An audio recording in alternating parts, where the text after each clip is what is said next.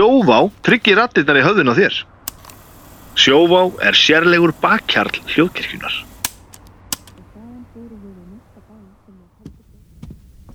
Óáfengur bríó frá Borgbrukkúsi er sérlegur bakkjarl hljóðkirkjunar. Það er gott að vera bríó. nei, nei, stopp, nei, nei, færðu þig til svona Það er gott að vera bríó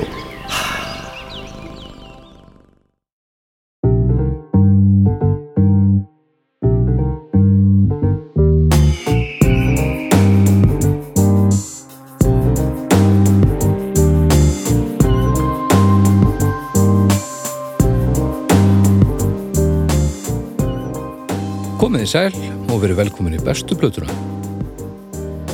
Ég heiti Baldur Ragnarsson. Ég er upptökustöru bestu plötunar. Ég, eh, ég íti á nappin með músinni til þess að upptakan fari í gang inn í tölvuna. Svo tekum maður þessu upptökur og er, þetta eru svona strjálhljóður á sér sem að þarf síðan að glöða saman í eh, eiginlega tvær sem verða síðan einn. Svo þarf að gera eitthvað meira. Ég ger þetta. Hér sitt ég núna í stúdíónu með tveimur mönnum og meðan mannarskýtsveðrið lemur gluggana. Um, ógæslegt veður eftir okkar. rosalett Mm. Grátt og blöytt og hratt og voðalegt. þetta er bara hrikalegt sko. Það á ekki vera- á ekki vera komið sumar. Jó, Já, kannski komið sumar núna þegar að þessi þáttu verið lótið. Vonandi. sko við ættum að vera að tala um svona suicidal depressive black metal band í þessu veðri sko. Já, Já, þið munið í Elton John þættinum þegar ég var geðett gýraður að tala um þegar ég setti trampólinni upp. já. jú, jú, það það er óglemalegt Nú áttu ekki Ég, trampolín. ég var ekki jafn gýraður í morgun klukkan sjö þegar ég var með strappa eitthvað að- að Festur það bara. ég festi það á sagt, tveimur hliðum á móti koronari og tók niður hann netin hann Ég ætla, það er svona, hvað myndur segja þessu mikla líkur á að trampolínu sé ekki lengur heima hefur? ég myndi segja að það væru litlar að ég, ég, ég festið alltaf eins og það hafi verið meiri óviður en þetta og það hefur staðið sko. Ah, hann er einslan að tala. já, Eru strapparnir og ekki orðinni lúnir? mögulega en svo er ég með helviti þungt farg á því hinum einn Nú, hvað ertu með? Eh, fólkið sem að bjóða hann á undan okkur það var með svona Líkin af þeim? já það var þau voru, voru yfirvikt þannig að við hérna, Þa, það var með svona, svona, svona sólhlíf, risastóra á einhverju svona þungu drastli og ég hendi sólhlífinu og hún var ónýtt Já, gott. en ég gemdi fargið til þess að setja hana yfir lappinnar á trampolínu Já, ok. Þannig að ef þetta fer á stað, þá á sér stað harmleikur, sem sagt. Það er það sem þú ert að segja. Því þá fer fargið á flakk. Nei, hann fær ekki með sko. Nú, Nei, þetta er sko munið þegar Jón Páll var að setja upp hana, kúlurnar hana steinakúlurnar hana upp á já, já, túnar já, já, já. ég myndi segja sko, þetta voru alltaf fimm kúlur Já, þetta hafi verið eins og kúlan í miðunni og, svoleiðis. já, ok. og þetta, þetta er ég að róast með bara og Getur það? já, ég en þú veist, skýt alltaf næstu í mig Já, já, já. Já. Það er gott að vita að trampolínu er ekki að fara neitt. Átt þú trampolín, dóttor? það er trampolíngarðinum hjá mér já Já. það fóru upp sko stelpunar mínar það var alveg, þetta var svona einmitt fimm mínútur í að þær yrðu, væru orðnar of cool fyrir trampolín sko þannig að þær hoppuðu þarna í 2-3 mánuði kannski Það er stutt tímabil samt þar sem maður er of cool fyrir trampolín. Það er ekki langur tími, sko. já, maður kemur inn aftur Já, já, já, já. Það tekur ég valla að taka niður, sko. En hvað er trampolínið þá núna? Ert þú með svona gott farg? Ég veist ég var ekki eins og að pæla í þessu ég veit ekkert hvernig staðan er núna sko. Þetta er spennandi. ég hef, Haukur kemur heim og eftir þá hann allt í einu tvö trampolín. ég hef nokkru sinnum farað á trampolín Já. ekki til að hoppa hefur til að leggja mig já, er næst að leggja sér á trampolín það er ekki það er rétt sko. ógeðslega næs Já, já, maður, það er fýtt, sko. Já. En, en Ég- yfirleitt þegar maður fer á trampolín þá er einhver að hoppa á því, sko. ég, ég, við, Grannar. eigum, við eigum það eftir í og móhauður að við höfum alltaf talað um það að sofa út undir berum himni Já, og ég verið með þessa hugmynd að við færum á trampolínið og Já. með sængina bara með okkur og já, já, það er fín hugmynd. Ekki nú, ekki kvöld ekki, ekki núna, ekki núna en það gæti virkað í sumar. Vonandi er annað ekkert ekki með fóta óerð Það er alltaf, stað. Já, veist það það þarf ekki mikla reyfingu til að ég reyndar að fatta ég veit ekki eins og hvað fóta óerð er kannski, þetta er gott orð. Ég veit nákvæmlega hvað það með það Já, já. Þetta, hvað klæja mann þá í lafinnar Nei, man, er lí- maður svona getur eh, svona einhver ónót í þeim þannig að maður svona verður eitthvað að þau það er bröltið sko. Ég, ég sef vist eins og Dracula sko í kistu? ég, bara, ég sef bara beinstífur sko, alltaf bara. Volvi, hvað Dracula varst þú að tala um? Já, nei, alls hefur í kistu með svona krosslaðar hendur. Já, ægilur póser. Já, já, já. Já, já mm. Ég, en, en kalt mat, ég myndi ekki vilja sofa með Dracula á trampolíni sko. nei, en þessi þáttur snýst nú ekki um það. Ótrúlega er satt. Heldur snýst þessi þáttur uh, að hluta til um tónlist og uh, svona afurðir á, á hvernig listamanna. Uh, já, þú doktor þú vinnur auðlýsingastofu þeir flottir. Já uh, en í dag þá nefnilega er hvað ég segja mannalegt uh, viðfangsefni já, ég held að sé bara tilefni til þess að byggja veimiltítur og pósera um að drulla sér út. Ah, já, ok, af hverju? Þannig að við erum að fara að tala um þú, þú ert að segja. Við erum að fara að tala um bestu plötu manúar já, um, af hverju að póserar að fara að séru Wimps and Posers Ah. Leave the Hall Sögðu þeir þetta? meðal annars. Já, já, ég skil. Já, já, já. Ma, nei, Ég skil vel að þeir séu með óþól fyrir póserum. Já, já, og síðan eitthvað svona þeir hafa aldrei pósað Nei, nei, nei, Nei, ég meina alls- alls ekki. Það með ekki vera nema ákveð margir póserar í, í þessu þorpi. Það er hann að líka línin If you don't like metal you're my enemy. Nei, you're not my friend. You're not my friend já. Vá, þú fyrir ekki metal og þú ert ekki vinnu minn. Já, akkurat. Þetta er alveg geggjað. Þetta verður indislegt já, ég, þetta verður allavega eitthvað sko. Já, já, ég, hérna, ég veit ekki hvernig við erum að fara að gera þetta sko. mikið En- kjöt Mikið kjöt. Já, já, taka smá svona Þetta, Haukur, þú, þetta er frá þér komið. Já, Þa, heldur það, það er all, nei, ég, ég veit það. Já, um, segur Þú og Manuar, þið hefðu átt uh, langt farsælt samband. Svona svolítið. Svona uh, farsælt. Uh, stöðugt allavega. Já, bæði og sko. Ég hérna ég hef aldrei farið all in sko. Ok, Þetta er svona eina af þessum hljómsveitum.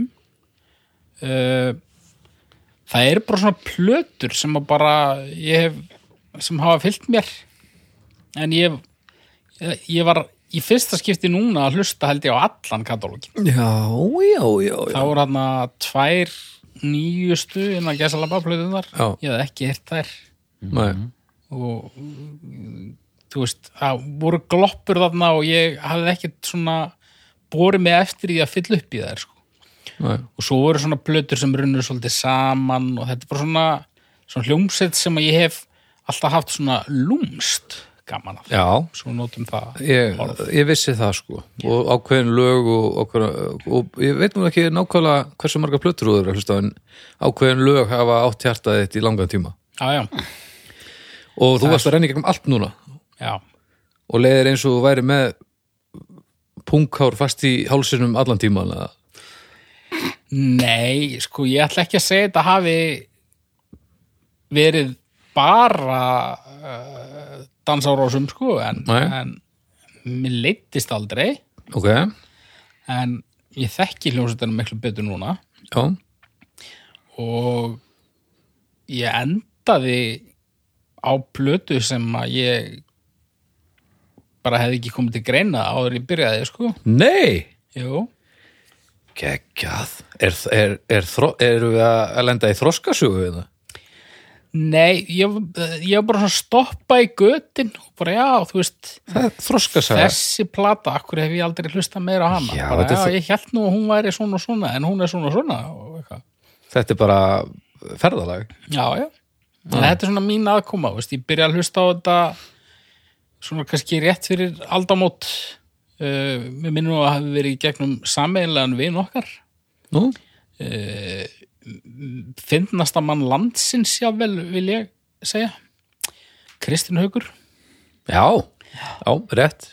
Hann, ég, ég held að hann sé segur þarna að mér inn í þetta sko. Já, það getur verið. Og hérna að mitt fyndi ég, ég fletti manúar upp á tímarit.is á hann til að Já. hversu mikið hefur verið fjallað um þessa sveit í íslensku fjölmiðlum. Já, það er eitthvað smá hann framan af sko, en svo í rauninni frá aldamótum þá var það meir og minna allt saman eftir hann hann er blaðmaður mm -hmm. eitthvað eftir mig, ég var blaðmaður í korter já, já.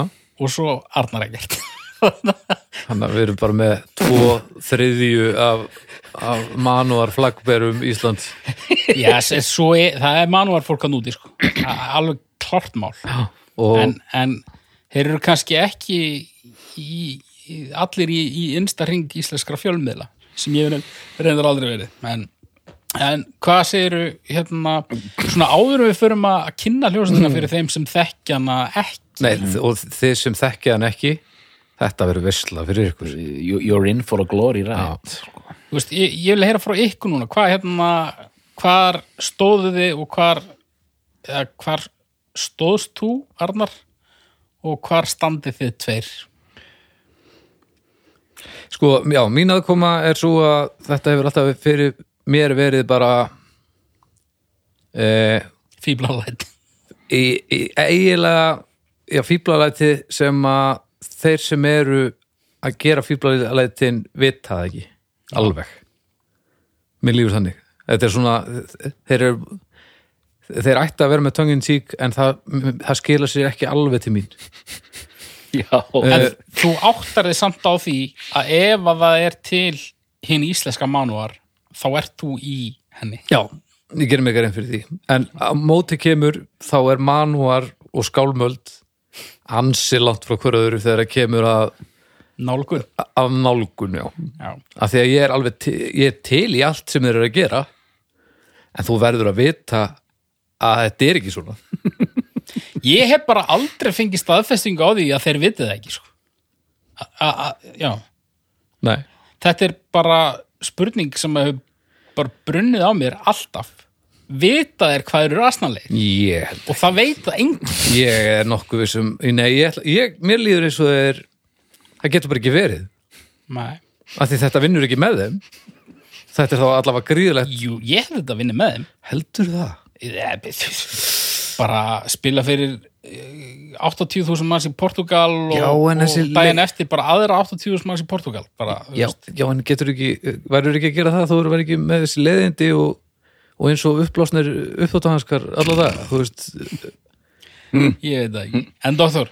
Já, sko, ég, ég einmitt ég, mér finnst þetta mér, þetta er eiginlega algjörlega einstakt sko, því ég er einmitt bara ég hef alltaf litið á þetta bara sem fíblalæti uh, og bara ég horfi á veist, umslæði þarna á Into Glory Ride hérna önnur platan þeirra, kom út 83 þar sem þeir eru þarna í þessum lít út eins og sko leikarar einhverju ódýri hérna vikinga kelta, germanskir tribes að slást eða eitthvað er, er, er, svona ykkur sem langaði að gera sem, sem fór á Conan the Barbarian og langaði að gera eins bíómynd en var ekki með neitt budget. Já, Já, og síðan sko er maður emmitt, maður er svona hálfpartin hillaður af þessari festu. Að bara að hvert einasta lag heitir The Power of Steel. Og hérna og, og, og, og þessi er bara svona viðhaldið endalust já, já. Og það er nánast þess að plöðna verði og maður bara er bara dolfallin sko þær verða svona klísju kendari sko bara aftur og aftur bara og þannig að Warriors of the World og eitthvað svona. Og, þarna, og ég, ég man því ég sá þetta nafn á plötu Louder than Hell. Ég bara, þetta er besta Þetta er alltaf geggjað. Þetta er bara gegn Nei, og ég er til í þetta allt saman. Já, einmitt, þetta er bara indislegt sko. En ef, ef skilningurinn Mhm. heima við er ekki sá að þetta sé grín, eða þetta sé Já, já. sagt, eh, það sem þetta er þá er þetta náttúrulega bara já, já. besta hamfararokk allra tíma En sko, ef En, en ég, ætla, ég ætla bara enda á því, ég ætla bara rétt að segja þess að, en síðan, já, bara síðan fór ég að hlusta og, og skoða þetta í krók og kema og hérna, hafði gert það eitthvað fyrir samt, eða ekki? hver, ég Já, sko óverulega sko. Hérna, mín saga með þessu band er ég veit af, af því og, og þetta sem ég hef verið að segja lítið hlustað sko. Ég átti tvær blötur átti að Kings of Metal og Hail to England og ég keipti þær bara ódýrt og hlustaði og að lítið á þetta. Ég held alltaf að þetta væri grófara en þetta var. Ég, svona, ég vildi þetta væri betra og grófara sko. Já, og hérna en eins og ég segi hérna eh,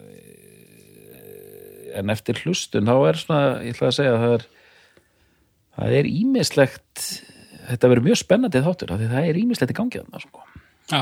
en þú ætla að segja Já, já, ég ætla að segja, þú veist, ef þeir væru frá Argentínu, -hmm. þá væri engin vafi á því að þeir væru bara, þeim væri full alvara, sko. En það böggar með svo að þetta er New York band. -hmm. Þannig að maður fer að hugsa, þú veist, var þetta djók og svo á einhverjum tímum búndi fóru þeir að svona trúa þessu trúa þessu. já, einmitt Var þetta ekki djók en svo áttu þeir sig á því hvað þetta væri asnalett og fóru svona gangast upp í því veist, ég, ég, ég veit það ekki Þetta er eins og, eins og Thor já, gamli sem að uh, er ekki að ósupum með því. Hann, maður fær til dæmis á tilfinninguna hann er all-in en hann er til dæmis búin að fatta einhver stæri ferlinu, náttúrulega ekkert að neittni svipari stærriðagráðu auglustlega ekki. En hann er pínu búin að fatta hvað þetta er asnalett en bara faðma það sko. Já, mér finnst ég finna það hjá honum að hann veit það sem við vitum.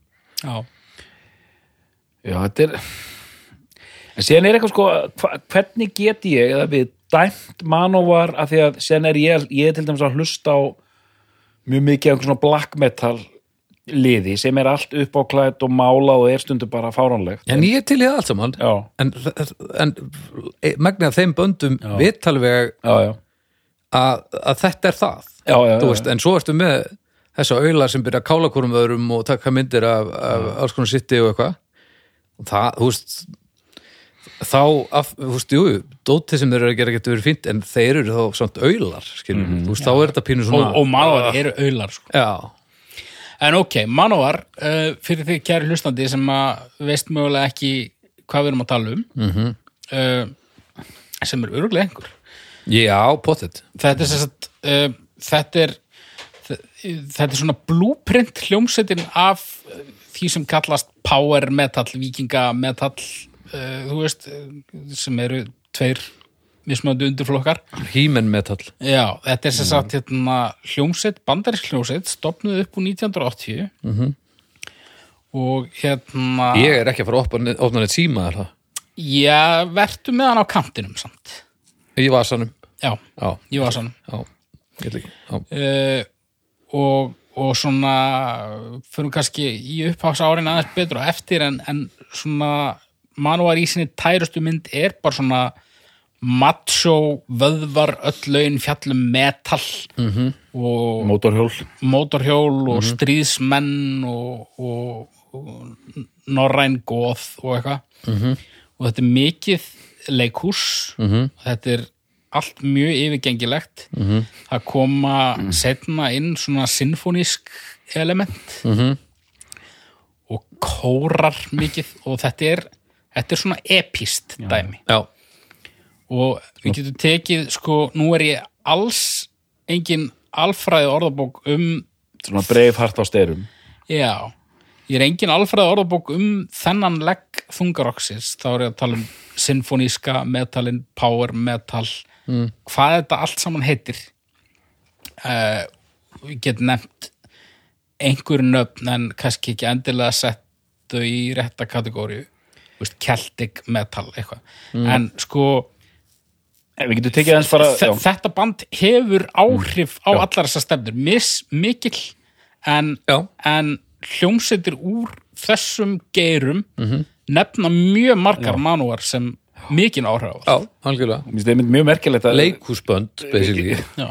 En þannig eru, sko, þeir eru eiginlega frumkvölar á, á tveimur stefnum. Tökum bara þetta power metal, Halloween, Blind Guardian og Hammerfall, nei, hérna, jú, Sa Sabaton já, bara þetta, En það, þeir eru mitt tala um battle metal sem, sem er ennett síðan er þetta vík, þannig séð vikingametalið, það er mikið talað um óðinn og eitthvað svona. Já, já. Það er þetta bara með vikingametalin bara eins og hann leggur sig, sko. Já, Já. En sem sagt, og bara allt allt í kringum þetta er svo yfirgengilegt bæði tónlistinn og, og, og söngurinn og, og, og textar en líka bara plötu umslögin lagatitlar. Þetta er allt saman þetta er cheesy. Já, en, en þetta er samt meira en svona þú veist, að vera gett flippaður að fá sér bjór og hlusta og því að þeir eru svo fyndnir, skilur já. ég hef alveg fílað á þannig líka já, en þegar maður fer að hlusta betur þá er meira í þá spunnið já, já. en þeir eru hins vegar astnar sko. Mhm. og þú veist, þeir þeir veita ekkert alltaf viðtöl og þú mátt ekkert alltaf taka myndir að þeim og, og þú veist, þeir eru með alls konar svona vesen og Þeir eru vesen Já, einhverju rótarar að röfla á reddit bara, já, við rótar hjá mann og þetta er algjöru drullu blesar, sko. -hmm. Og svo verðum við að tala um setna í þættinum að, að þá nú einn meðlumur uh, hérna uh, bara gerði sér sekamun um, um mjög ógæðfeldan glæp og sem eiginlega svona ég seti spurningamerki við hvort að það digði til að við ættum ekki að fjallum manúar en uh, kannski fyrir bara nánar út í það á eftir. Mér finnst það réttlætanlegt að tala um manúar af, af nokkrum ástæðum. Uh, uh, já ég endaði í Kings of Metal. Já, þú endaði það. já, og það, það, við erum að tala um bara ef við bökkum um tvo þætti þá er þetta bara Arnar Eggert að velja Goodbye Yellowberg Road Já, já, já, fyrst ætlaði að vera voðalega hipp og velja plötu sem að er sjaldan nefnd og svo er önnur sem kóti greina og eitthvað en Kings of Metal er oftast nefnd sem besta platan. Já, ég hef oft hlustað á Kings of Metal en ég hef aldrei svona ég hef aldrei marinerast í henni. Núna gerði ég það og ekkert af mínum uppáhaldsmanúarlögum er á Kings of Metal. En og ég var bara í vandræðum, ég vissi ekki hvað ég ætti að velja. Þannig að ég, ég tók bara ok góð lög versus hundar. Þarna finnst mér besta hlutfall mm. það eru lög á öðrum plötum sem ég fíla mun betur en það eru flest sterk lög á þessari plötu. Mm en förum kannski nánar bara út í þessa plötu á eftir. Við, við tökum eitthvað smá svona einhverja tímalínu og Og ég ætlaði rétt að henda þig líka inn að þegar við vorum með rándýrspartíin okkar að hlusta á Exodus og Slayer og Maiden og allt þetta dót þá var Kings of Metal alltaf líka í mixinu. Og ég man því ég sá þetta í fyrsta skipti þá var maður svona ha, já, ha, ha. Og ma maður var eiginlega svona, maður dáðist líka af því að skýra plötuna Kings of Metal. Maður bara svona, ok, ok og sér sér maður umslægið og maður bara, wow, ok. Og síðan spiluðu við alltaf hérna fyrsta lagið, Wheels of Fire. Það er rosalegt. Og þá var allt vittlust en ég var bara svona hmm, maður var á þessum sko manni fannst þetta fyndið, fyrst og fremst meina, það er eiginlega, ef þú ert eðlilega manneskja þá getur þið ekki tekið þetta 100% alvarlega. Það er ekki hægt. Mhm. og þetta er, þú veist þetta er dæmi um hljómsett það eru nokkra svona hljómsettir það sem að aðdanda hópurinn er þú veist, þetta er eiginlega eins og söfniður við erum með sko við erum með þannig að djam drullubandið þannig að Fish PH-ish já, já, við erum með Grateful Dead, við erum með Insane Clown Posse við erum með svona hljómsettir það sem að svona aðdáðunir þetta, þetta, og eiginlega góst er að detti þetta líka sko. mm. verður bara eitthvað svona verður bara eitthvað svona Stefling. Já, bara, bara svona þessi hljómsveit er minn lífstíl og Manowar er alveg 100% þannig band. En ég get aldrei farið þangað sko. Nei, ég held líka að þú þarft að vera ansi sérstök típa til að fara alveg þangað. Já, en það er alveg nóðarna fyrir uh, innan gæslappa vennulegt fólk líka sko. uh, tímalína? Já, já, förum aðeins í gegnum hlutunar Ég minnst það spennandi. Já. Sko, um, stopnað, ég veit ekki hvernig stopnað er, 80-ish, Eitthvað svo liðs sko, uh, uh, það má rekja upp af hljómsveitarina til þess að Joey DiMaggio, aldrei fengið á hreint hvort það er Joey DiMaggio eða Maggio, segjum bara Maggio, uh, hann var hérna rótari fyrir uh, Sabbath Black Sabbath sem eru á túr með Dio, ég held að segja Heaven and Hell túrin, hún kemur út 80 og hann vingast við mann í einhverju upphitunar hljómsett sem ég man í hvað heitir. Og hann heitir sérst Ross the Boss. Hann heitir bara eitthvað Jonathan McGoffrey eða eitthvað, en hérna kalla sig Ross the Boss. Og þeir fara eitthvað að spjallum þungarokkið og það er hann að maður sem að svona fylgist með og fjarska og sér að þeir eru hann að þeir eru hann eitthvað mi- það er eitthvað mikið brómans í gangi. Og þessi maður segir strákar þið eigið að stopna hljómsitt og þessi maður var Ronnie James Dio. Þannig að Ronnie James Dio hann honum að hann ber mikla ábyrð þarna Honum og, að þakka eða honum að kenna. Já.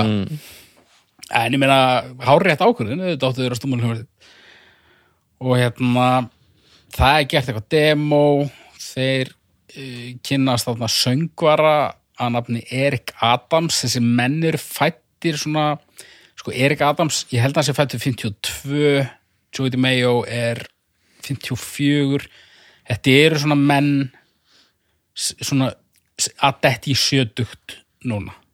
Eitthvað svo Já, já Vá, þannig að þeir eru þeir, eru honir harð fullonir þegar þeir stopna bandið. Mm, já, 50 og- Já, já, hann er um 30 þarna hann, Já, hann Adams. Já, sérst það Ross the Boss og, og Joey DeMayo Ross the Boss er gítarleikari Joey DeMayo er bassaleikari og Ross the Boss var í pönkljósitt sem hét og heitir The Dictators Ég sendi doktornum textaskilabúði gær. Hérna, doktor uh, þessi Dictators hljómsveit sem að Ross the Boss var í uh, var þetta eitthvað svona merkilegt dæmi? Ég minnst ég kannast svo þetta nafn. Eða er þetta bara út af því að nafnið er svo generic? Dictators, já, já, já það er bara eitt af bara hérna, proto-punk böndunum bara mjög mikilvægt band. Bara þekki það band ekki neitt sko. Ok að hann kemur úr pönkinu Rasta Boss Jody Mayo er bara ég veit ekki hvað hann var að gera. Og Erik Adams, ég veit ekkert hvað hann var að gera heldur.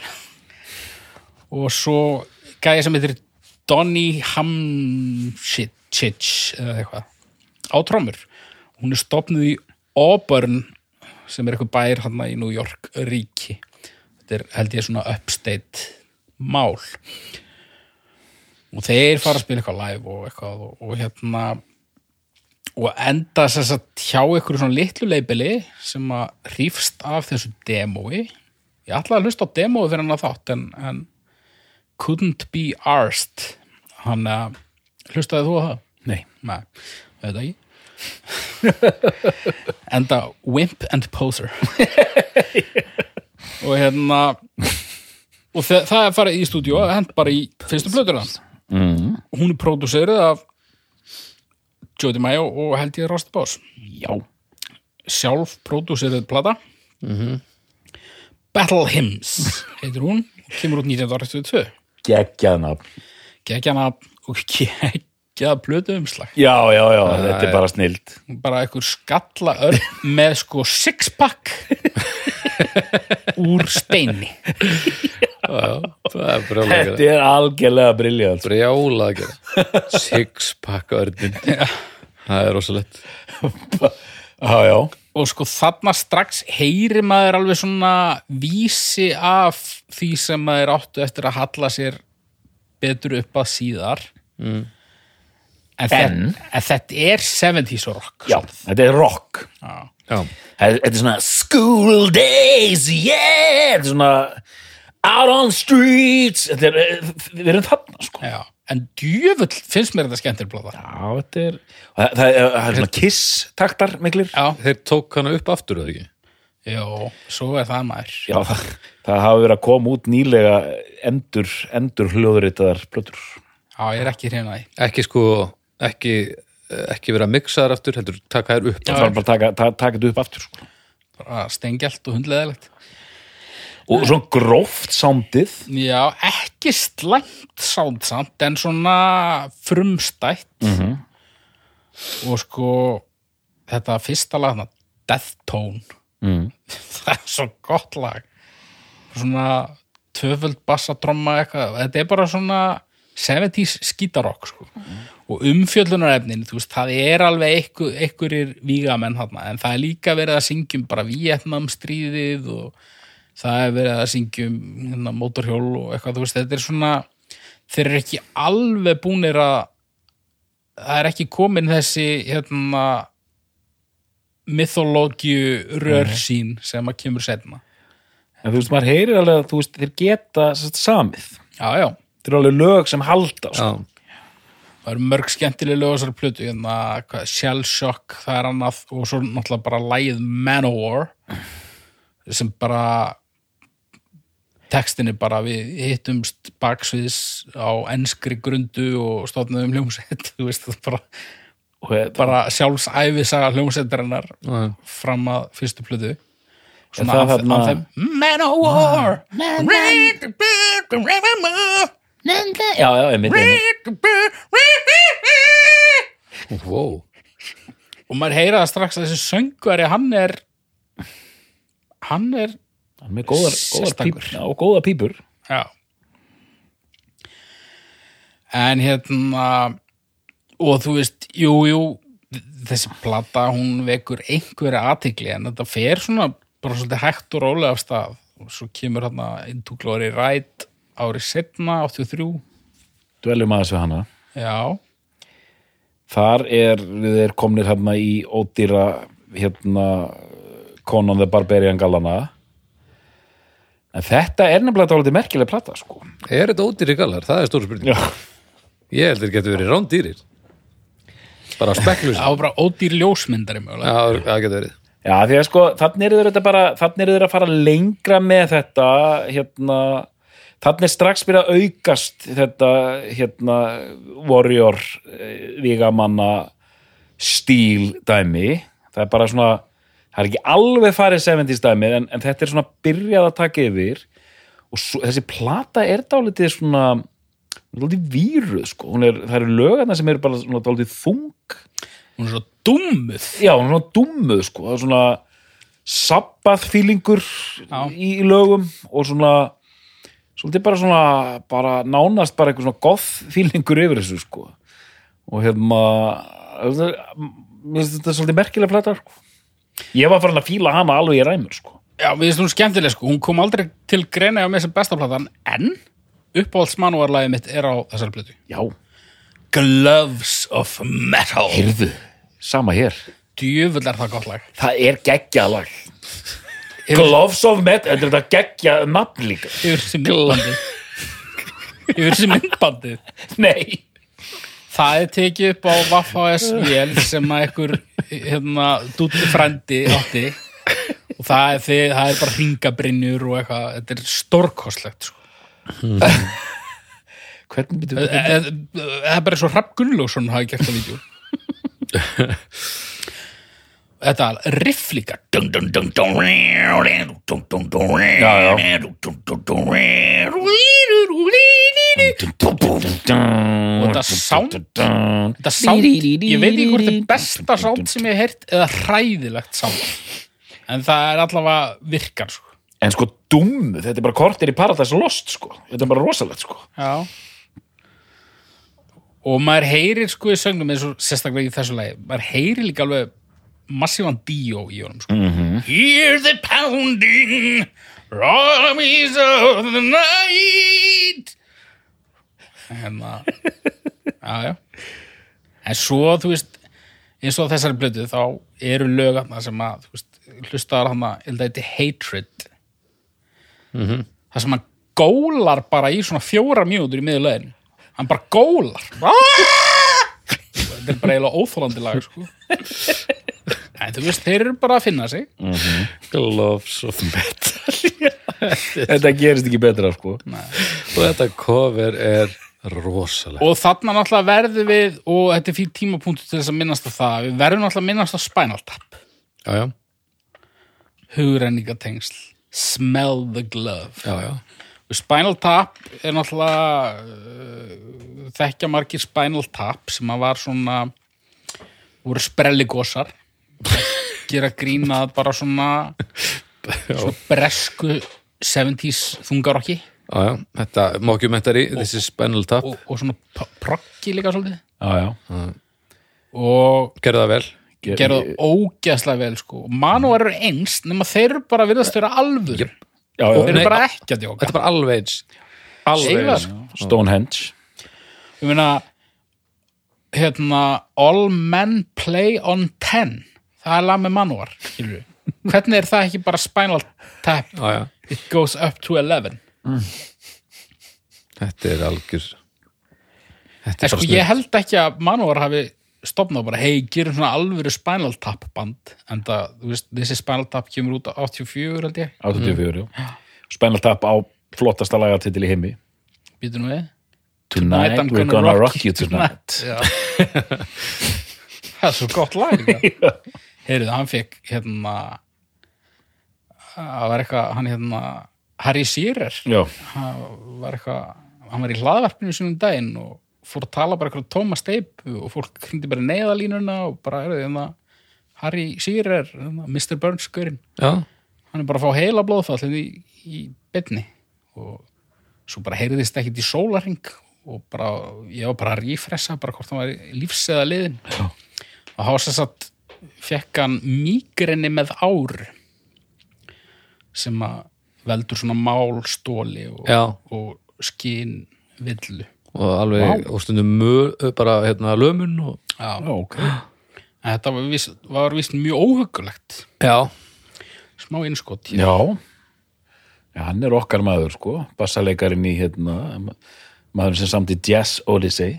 Já, og bara mögulega eitt finnast að maður í heimi já, hann er svo helviti fyndin En hérna, já, sko, þessar þrjár plötur Into Glory Ride og svo næstu tvær sem kom út báðar 84, það er annars vegar Hail to England og hins vegar Sign of the Hammer.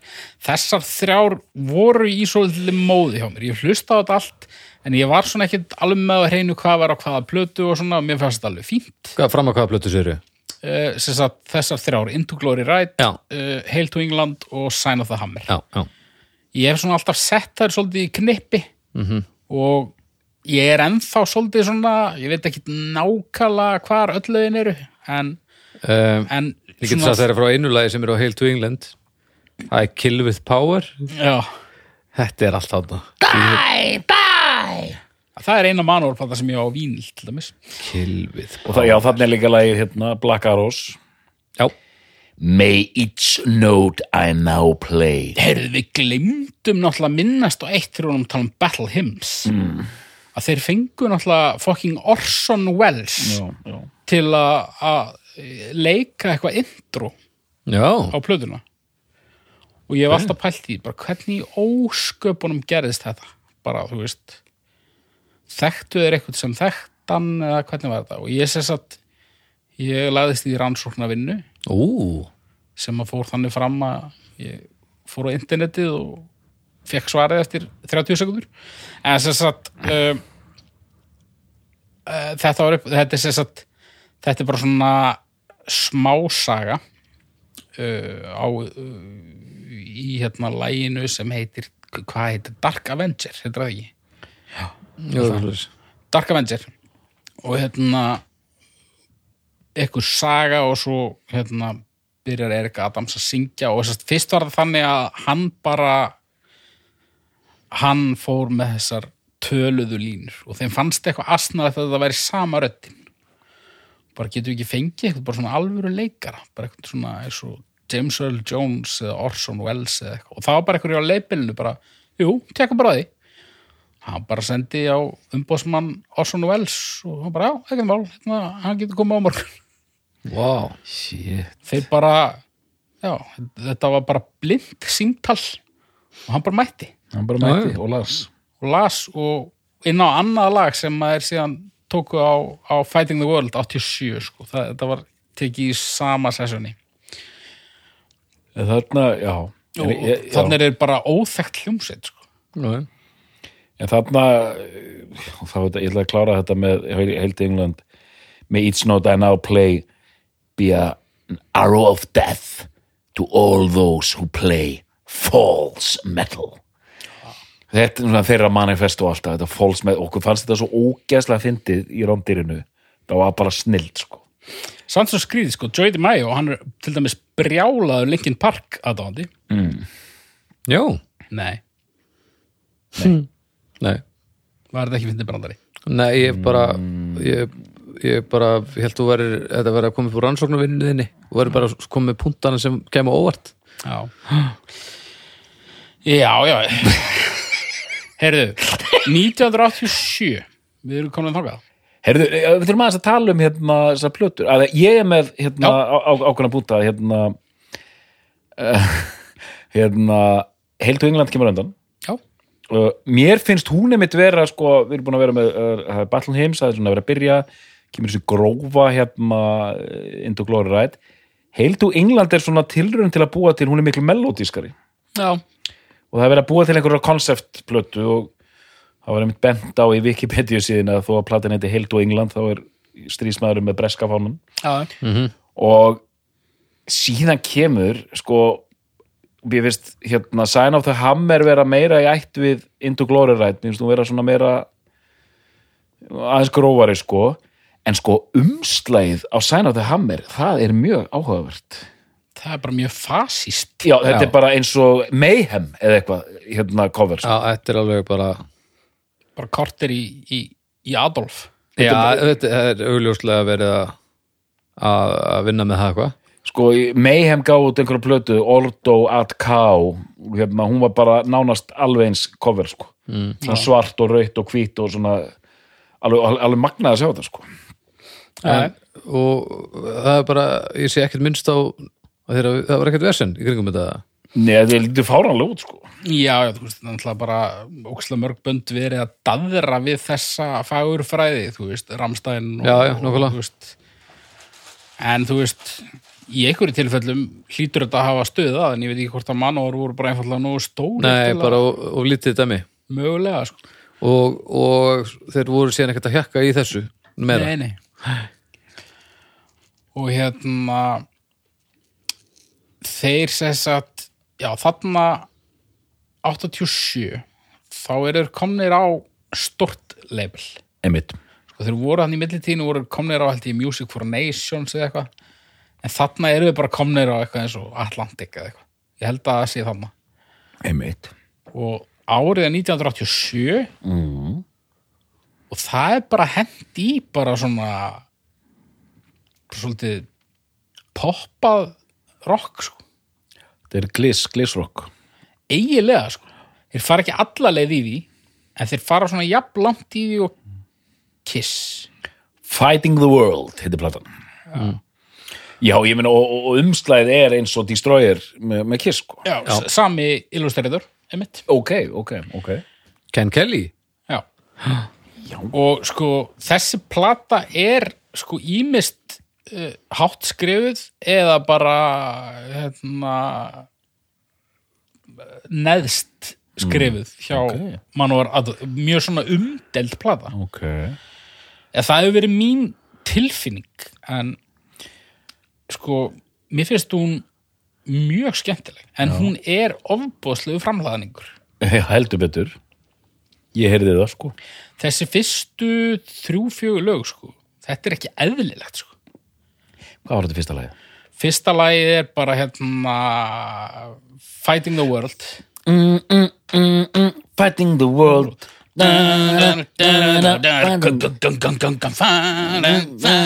Fighting the world. bara svona stuð Fighting the world. Living, fighting the world. Mm. og strax á eftir kemur síðan fyrsta og mögulega bara eina lægið sem fór í eitthvað svona teljandi rotation á MTV Já, Þannig að myndband uh, Blow Your Speakers. Blow your speakers. Það er fyrsta lægið sem ég heyrði um mann Blow your speakers. Já. Ég sá þetta á einhverju svona Vaff HS Kerrang compilation spólu sem er með títnemdur Kristinn Haukur átti. Blow your, þetta myndi mig hann á Euroblægið hann hvað heita, Rock? Rock the Night. Rock the Night. Hvernig, hvernig er þetta blow your speakers? en að Blow Your Speakers er svona da-da-da-da da-da-da-da rock and roll blow your speakers rock and roll Wow. þetta er ógislega gott lag sko. þetta, þetta er náttúrulega fíblagangur Já, e, e, já og ég, ég, ég skal alveg því að einhverjir gallharðir manúar menn og ég, lagt mikla áherslu á menn hafi orðið súrir yfir þessu útspili sko. En síðan kemur geggjala lag nummer þrjú, byrju. Oh, Carry on, carry on. Carry on. Na na na na na Carry on. Carry on. Þetta er eins og Judas Priest lagið hérna Hvað heitir það? United United, United, Já, en- United. mér finnst þetta mikið betra lag. Þetta er svona anthem sko. Þetta er svona írst eitthvað. Carry on, þetta er svona svo írst þjóðlag. Carry on Já. Carry on. Mm, mm, Ba, ba, ba, ba, ba, Carry on. Carry, já, já, já, já, veit Carry on. Síðan, einmitt Ég var einmitt að hlusta á þessa plötu En síðan er mjög mikið af lögum á þessa plötu sem eru bara svona Já, já, það er ekkit afleitt lagana en sko hún bara stígur bensin í því botn þarna í byrjun og, og verðum bara pínu bensinlega sko. mm. Ég ætla nú svo sem ekkert að dvelja við þessa plötun eitt gríðalega mikið nema þessi þrjú fyrstu lög sem er stæðisleg Já. En þetta er, er þetta hálfhundar restin? Já, Já, eiginlega sko. Ægilega massaðir hálfhundar. veitu hvað heitir aftur síðasta lagið? Er Síðasta lagið er uh, Black Wind Fire and Steel Fire and Steel. það er, það er gott lag Heru, og nú er góðu tímapunktur strákar talið þið, ég ætla, ég ætla, ég ætla, ég ætla. Black wind, fire and steel Þetta er geggjað. Svo erum við með lögum svo Drums of Doom og Black Wind, Fire and Steel. Þetta er svo gott. Já, þetta er bara briljant sko Heru, þið verið aðeins að tala ég er með smá hérna Nú, ég er með smá leinivopnina ertu með leinivopn? Já, aðeins Hann er að hakka í símanu sinni sínist mér. En já. Þetta, bara þessi lagalisti hérna. Ég ætla bara að lesa lagalistan. Já, já, hvað með það? Fighting the World, Blow Your Speakers, Carry On, Violence and Bloodshed, Defender, Drums of Doom, Holy War, Master of Revenge, Black Wind, Fire and Steel. Master of Revenge Þetta er, og þetta eru þrjá, rétt tæpar 35 minútur af fighting. Það er brjála að gera. Heru, ég, ég fann þetta.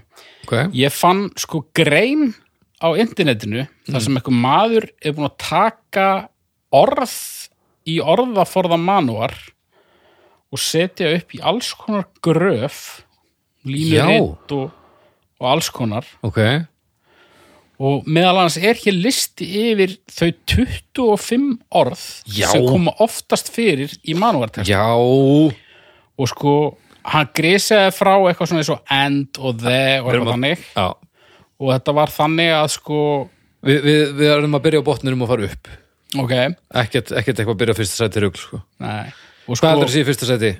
Dóttor, Stíl þá þarf ég að fara í metal, held ég. Ok, en við byrjum á bóttinum Já. bæði þessi orði eru á listanum en hvort er í fyrsta sæti Ú, Bara þá frá- fire Fire er náttúrulega líka en ah, ok, ok, 25, það er Glory. Já, og ég nenni, Það næri ekki nema 2005. sæti. já, okay. nei, ég nenni ekki að segja númerin en ég er að já. færa mig upp á við Ok. ok, Sword, já, gott. Time, já, Born. Já, Here, Kill. Mjög gott. Gods, Ok. Night já, ég hefði sett nóttin over Battle. Shall Ok. ha, Shall sjál, já. sjálal, Steel stíl. Stíl, ok. 15. sæti. 15. seti, Power. Gott. Fire. Fire, Wind. Ok, já, wind. Wind í 12. sæti. Ok, Day. Ok, Death. Death. death. Live. Live. Nú erum við konar í top 10 sko. Já. 8. sæti Sky. Sky. 7. Never. Never. World. Uh -huh. 5. sæti. Ride. Ok, R-I-D-E. Já. 4. sæti. Metal. Nei. Anskotin, já, ég var næri samt, sko. 3. sæti. Blood. Ú. Það eru, býtu, býtu, býtu, eru tvö eftir? Það eru tvö eftir. Ok, annað hlýtur að vera warrior. Nei. Ok, þá ætlum ég að þegja Annað sæti Fight fight Og fyrsta sæti já, Ég líki skaða uh, Battle. Nei, það var komið. Já, nei. World. Die Dæ, já Þetta er svo góðu listi sko Þetta er geggjað. Þetta er mjög gott Og það er svo skrítið, þú veist, meiri segja sko þú, hérna Var Black á listanum með það? Nei, Af því að Black, Wind, Fire and Steel það er bara Black í tilinum sem komst ekki á listan.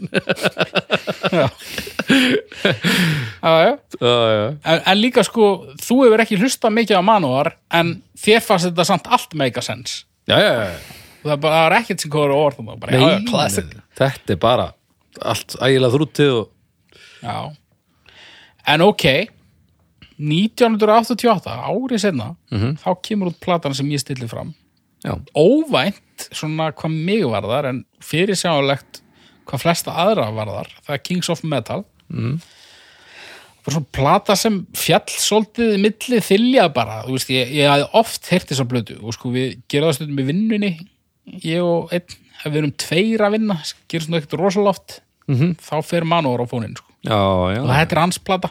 Ok, og þú veist, ég bara heyrt þessa plötu miljón sinnum gegn tíðina en aldrei svona alveg hérna, gleift hana en ég tók hana ansi þjætt hana og hún vinnur ansi vel á og það eru fæstir hundar hana já það er ekki nema tveir, þrýr svona hálfhundar Hver er svona kosturinn við þessa flötu? ekki hljómurinn allavega Nei. því hún hljómar ekki vel sko. Ok, ok, ok. Var þessi tekin upp áttur? Já, já, þú er ekki reynd henni. ég, ég, ég, Þeir eru líka snúa Tek- við lagaröðinu, alls Já, konar stælar í gangi. sko. ég tekka á Auðvitað- einhver einu lagi og ég slökti bara sko. Já, og þetta- auðvitað hún hljómar bara eins og svona plötur hljóma í dag, Já, já. svona power metal plötur sko. Já, já áti í máta En þetta, þú veist, eins og, eins og fyrsta lagi þannig að Wheels of Fire sem er geðvegt lag já, svona frasspælingar sko já, en trommunar þetta er bara, þetta, þetta er bara Atari Teenage Ræð trommur. Þetta er lart þetta er bara svo svona lart trommuheili. Þetta hljómar ekki svo trommur. Það hljóma bara vel samt þetta er svolítið skrítið lag líka.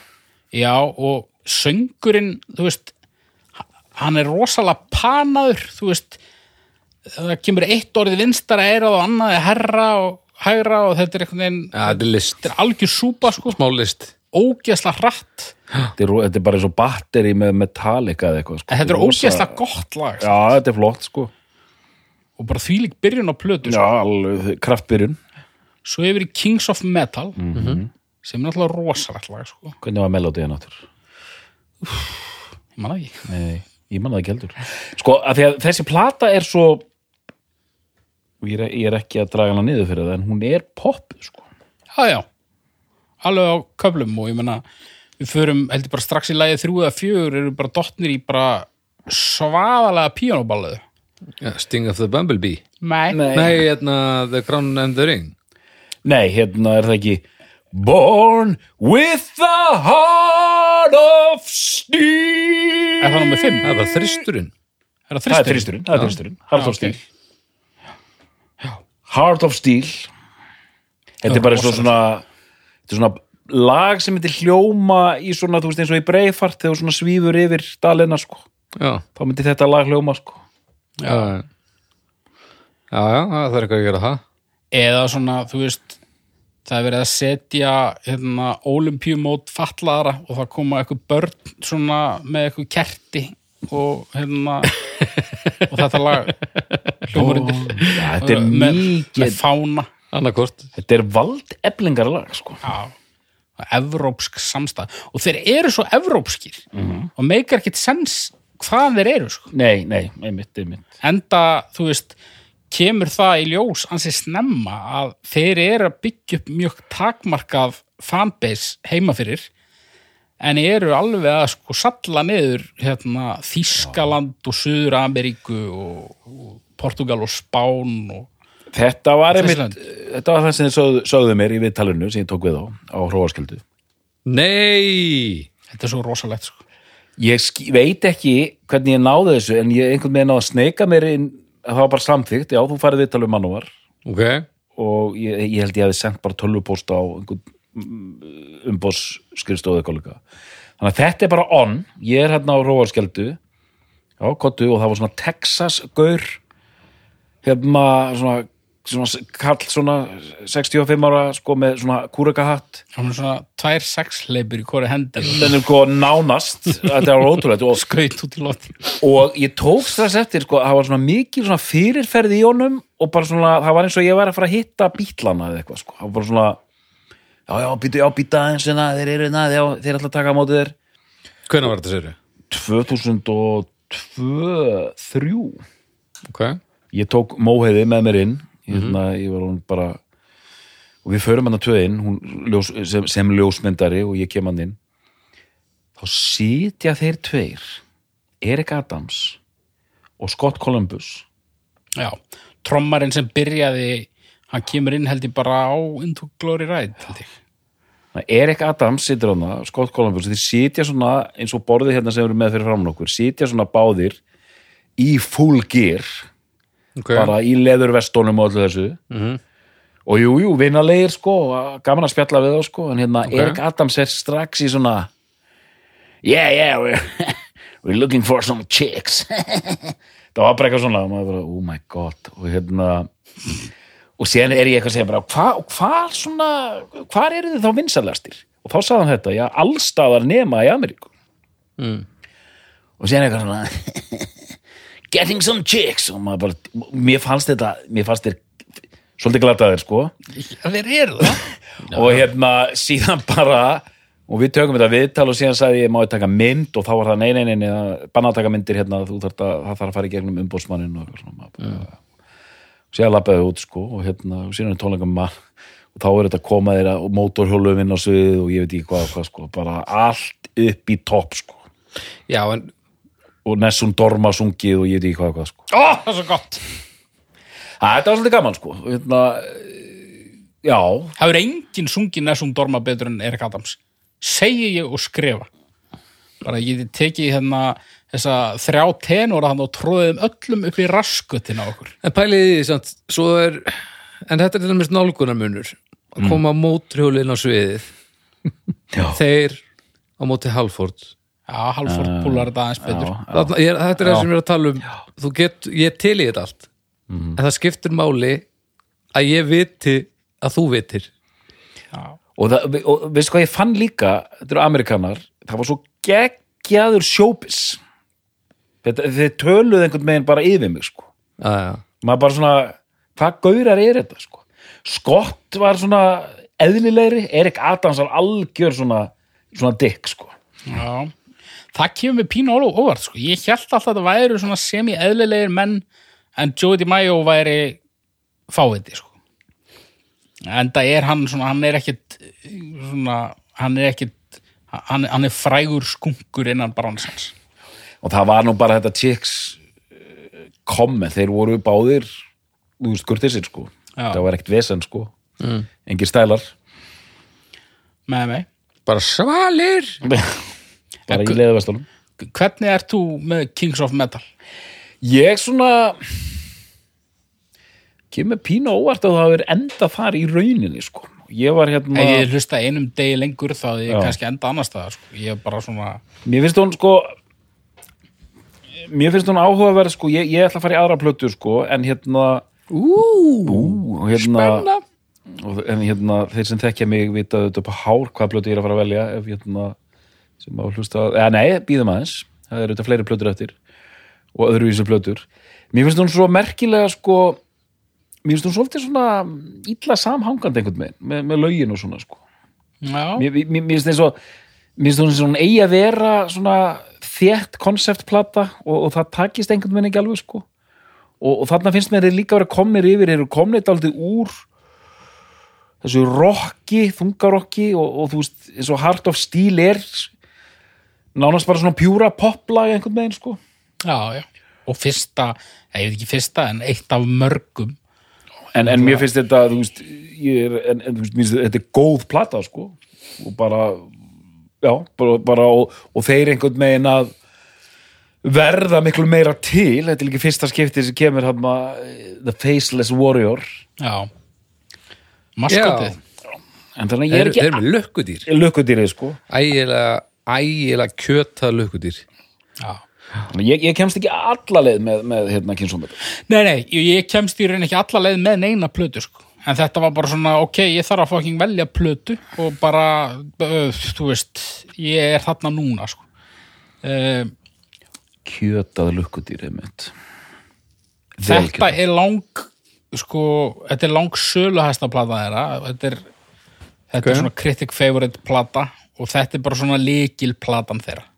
Já, og núna loksins skil ég það. Ég er ekki á því að hún sé hún beri höfuð og herðar yfir allar hinna blöðunar en svona þetta er líka pínu bara svona ég er svona aðeins að, að svona kveikja á henni núna þannig að það vinnur með henni. Og þannig eru þeir að komast líka bara djúft inn í svona Lord of the Rings stemningu einhvern veginn sko. Já, það er líka það. Þetta er, þetta er fyrsta platan þar sem að, þú veist, allt hitt er skilið eftir. já, 70s er löngu farið, hann er búin að prófa glesið og þú veist, og þannig eru bara öll lögin um vind og stál og, og bardaga og þú veist, þeir eru farnir bara, þetta er, þeir, Þeir eru- þeir eru orðnir manóvar já, algjörlega, og það er uh, Dimæjó sem er að semja þetta mér munna já. Já, það er svona einn og einn eitt og eitt lag það sem einhver annar fær kredit. En, Ok. okay. en já, já. Svo er einhver aumingi sem samdi með honum hann að Sting of the Bumblebee. Já. Einhver nákvæmlega, einhver, Ítala- einhver gamall um ekki ítala skratti Já, nei, það er sem sagt bassasólo það sem að Flight of the Bumblebee er ekki Rossini eða eitthvað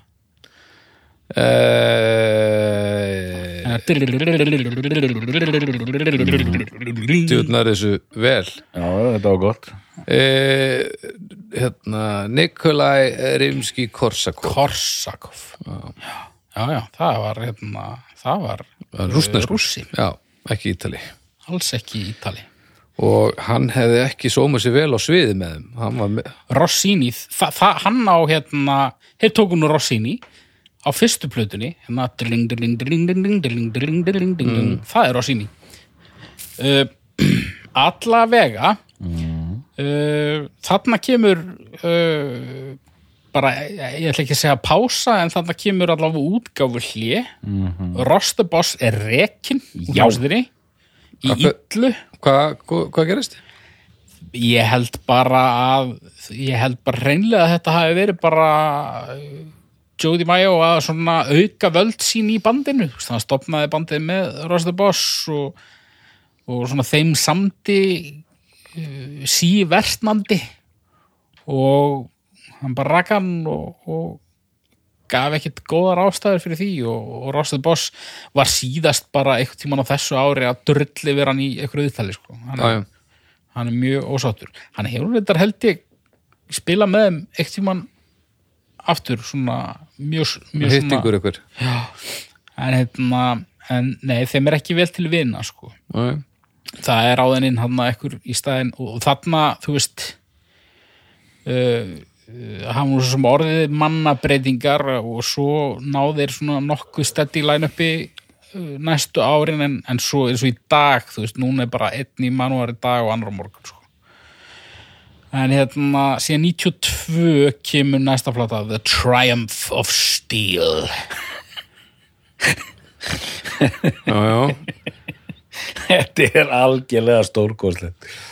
Og það er plata það er sennilega platan svona fyrir utan þessar tvær nýjustu. Þá er Triumph of Steel sennilega plata sem ég þekkti verst. Ok. Af þeirri einföldu ástæðu að fyrsta lagið á henni er 28 mínútur. Já, það er ekki leið. það er ekki hægt, sko. Nei, Og þetta gefaður út bara í miðju gruggi sko. Já, Platan er 70 mínútur, þetta er bara. já. The Triumph of Steel. Og jú, jú, hún er, er áalveg spretti sko Hún sándar? Já, já, já, það er bara stuð. Ride the Dragon, Já, Ride the Dragon. Spirit Horse of the Che- Cherokee, Spirit Horse of the Cherokee. Burning the Power of Thy Sword, The Demon's Whip, Já, flott lag. Svipa Djöfulsins. Svipa djúvilsins og Master of the Wind, hvernig kemur vindurinn áttur? það er gott lag, það er gott lag. Star of the Wind, já. Þetta er gott, þetta, þetta er skemmtilegt. En, en þú veist, þannig eru þau náttúrulega svona eins lítið relevant og mögulegt er sko, eins og þú segir, gurgið mætt. En er þetta ekki bara fyndið það? Jú, jú, skemmtileg en sko. En bara, þú veist, það er bara en, en mér finnst þetta að vera orðið mér finnst þetta skemmtilegt og, og gaman en þetta er líka, nú er þetta orðið strax fyrir sjónlögt já. Já, já, Þetta er bara svona, þetta er svona svolítið formúal, formulaik en og hvað með það? já. Eh, does the trick.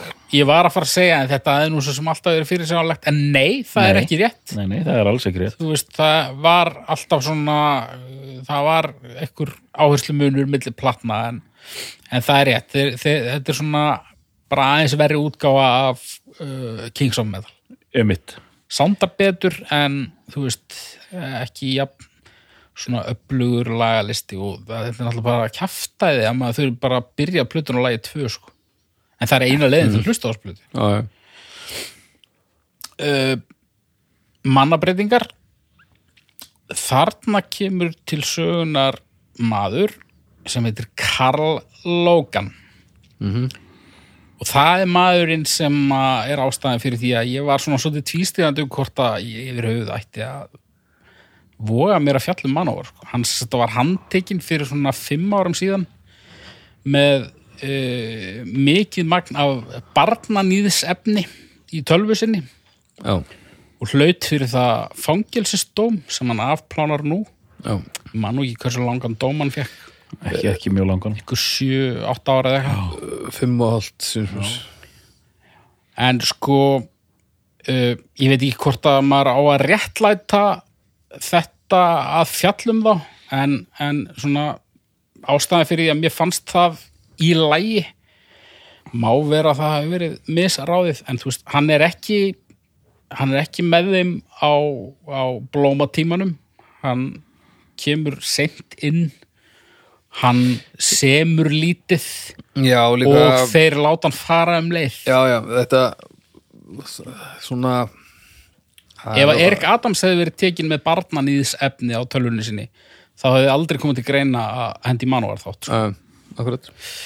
Þetta er svona aðeins annað. En það fór reyndar í töðanar á mér hvernig þeir tilkynntu um hérna uh, að þeir hefðu sagt skilið við hann. Nú, þeir bara adressuðu þetta eiginlega neitt sko. Þeir sögðu bara í ljósi nýjustu frétta viljum við að það sé á hreinu að Karl Logan mun ekki spila með Manowar það var ekki sagt veist, aldrei spila með Manowar bara, þetta, þess vegna getur verið bara svona bara ok, hann er ógeð og við viljum ekki neitt á hann vita eða uh, æ, hann, hann er hérna ykkur vesinni og hann hérna mun ekki spila í þessari tónleikaferða þú veist, fannst það svona pínu svona pínu ódýrt. Þú veist, jú, jú, þeir eru í karakter og allt það, en come on þú hlýtur að geta aðeins veist, ég er ekki að segja þeir að snúa hnípnum í sárinu en, en, en veist, það er engum greiði gerður með svona ógeðsla þurri tilkynningu svona eins og þeim sem drullu sama. Já, en þú veist, ég veit ekki hvað gekk á þarna innan bandsinn sko. en hann sagt kemur þarna og þeir gef út næsta plata er uh, Láter than Hell er ég í rugglinu þarna, er þetta ekki svolítið lélega afgreðsla uh, á hverju?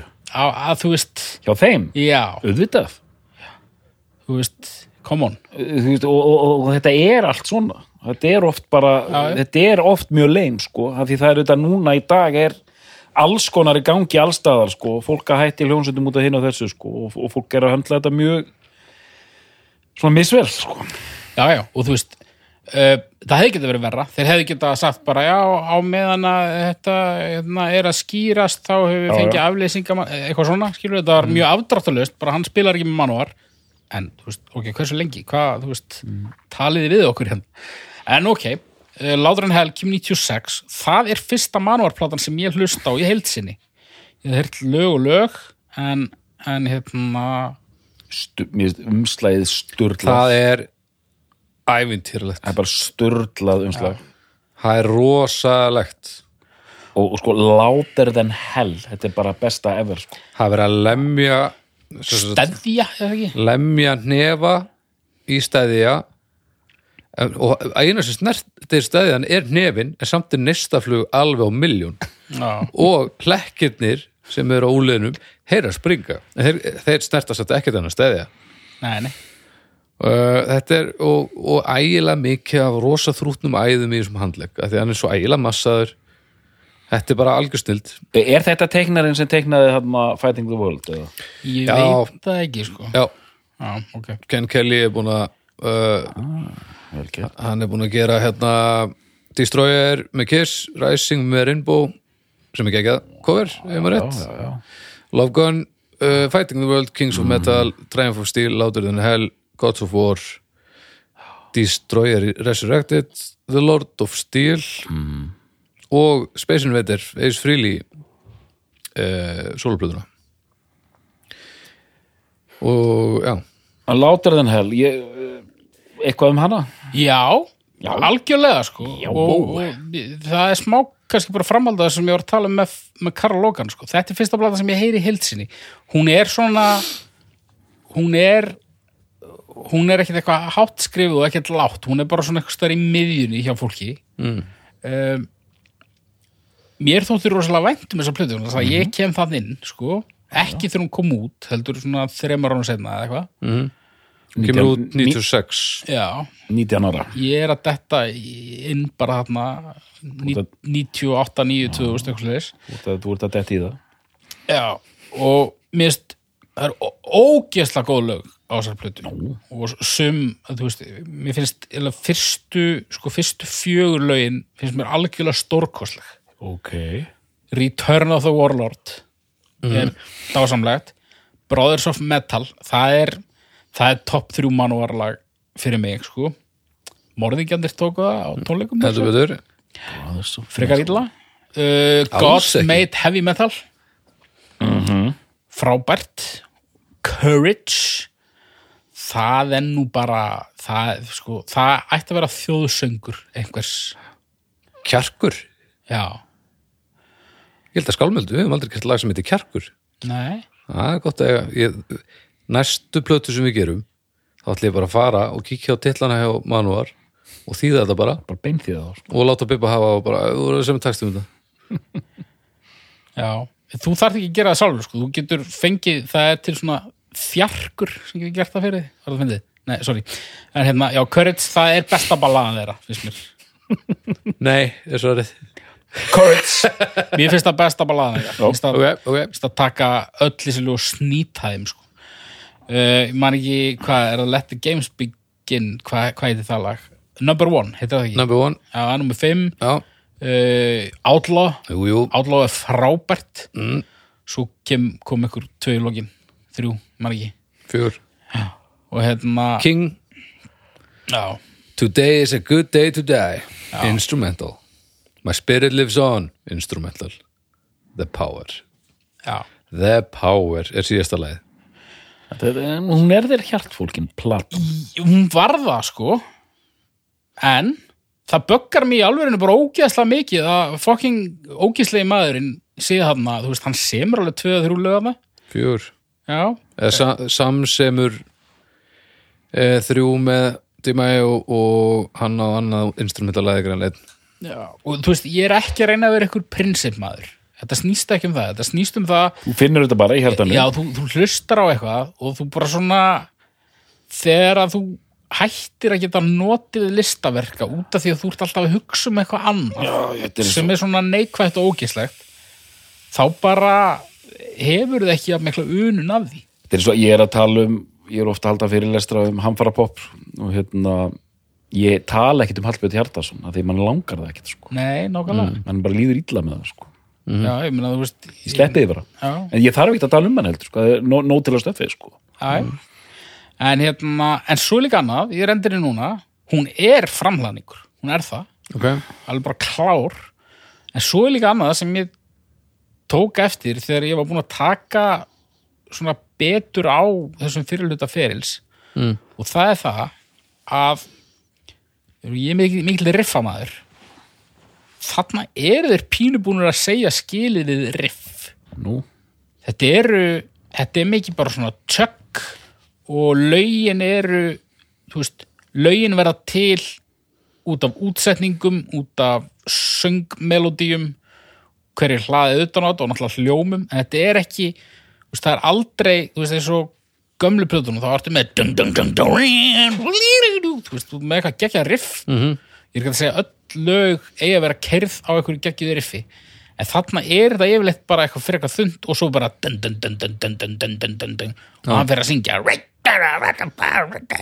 skilur og svo kemur hljómabreiting og eitthvað og svo kemur gegjaða kórus sem að er, þú veist þetta er ekki svona riff-based lengur. Nei, skilja og Ok. hérna, þeir fór að taka eftir þessu þá fór það að fara í töðunar mér. En kannski líka út í að mér langar að þykja Karl Logan umulegu gítalegari og hæfilegalus en hann er það ekki, hann er geðvöku gítalegari mm. en hérna en þannig að, þú veist, hún er á topp þrjú ásamt Battle Hymns og uh, Kings, Kings of Metal sem að kemur hann að Ok hástökkari vikunar Já, já, já já, þú hefur svona gaman að Battle Hymns. Já, mér finnst hún rosa skemmtileg sko.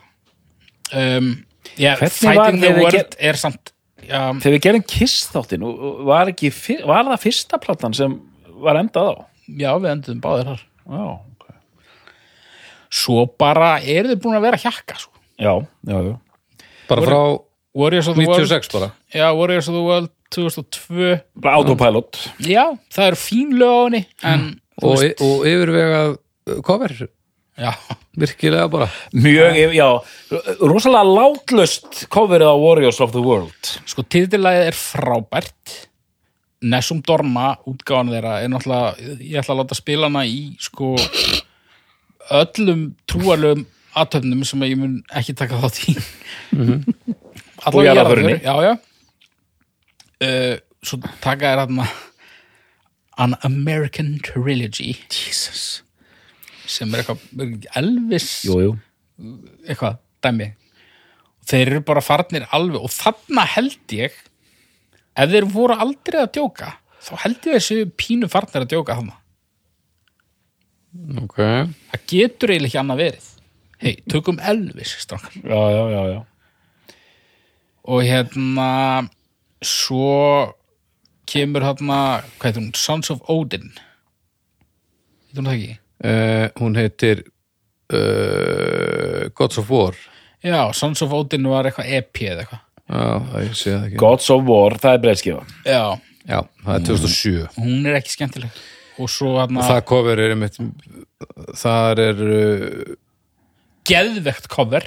fjórir fjórir Fjó- fjóri hímennkallar og fjóra brjóstabínur. Já og þeir mega á það að þetta er svona þvert á til dæmis hvernig tölvuleikeiðinarinn hefur taklað þetta gegnum tíðina að, að þannig eru mennir allavega í jafn gagslausum vörnum og verjum eins og konundar það hefur alltaf verið, menn hafa alltaf verið klættir í svona Já. þeir geti í alvörunni lifa bar, bardagan af en þær eru bara í svona leðurbygginni í einhverju þannig eru kallarnir, þeir eru bara á, í leðurspýt og Ég ætla að berjast við skrýmsli í þessum þveng.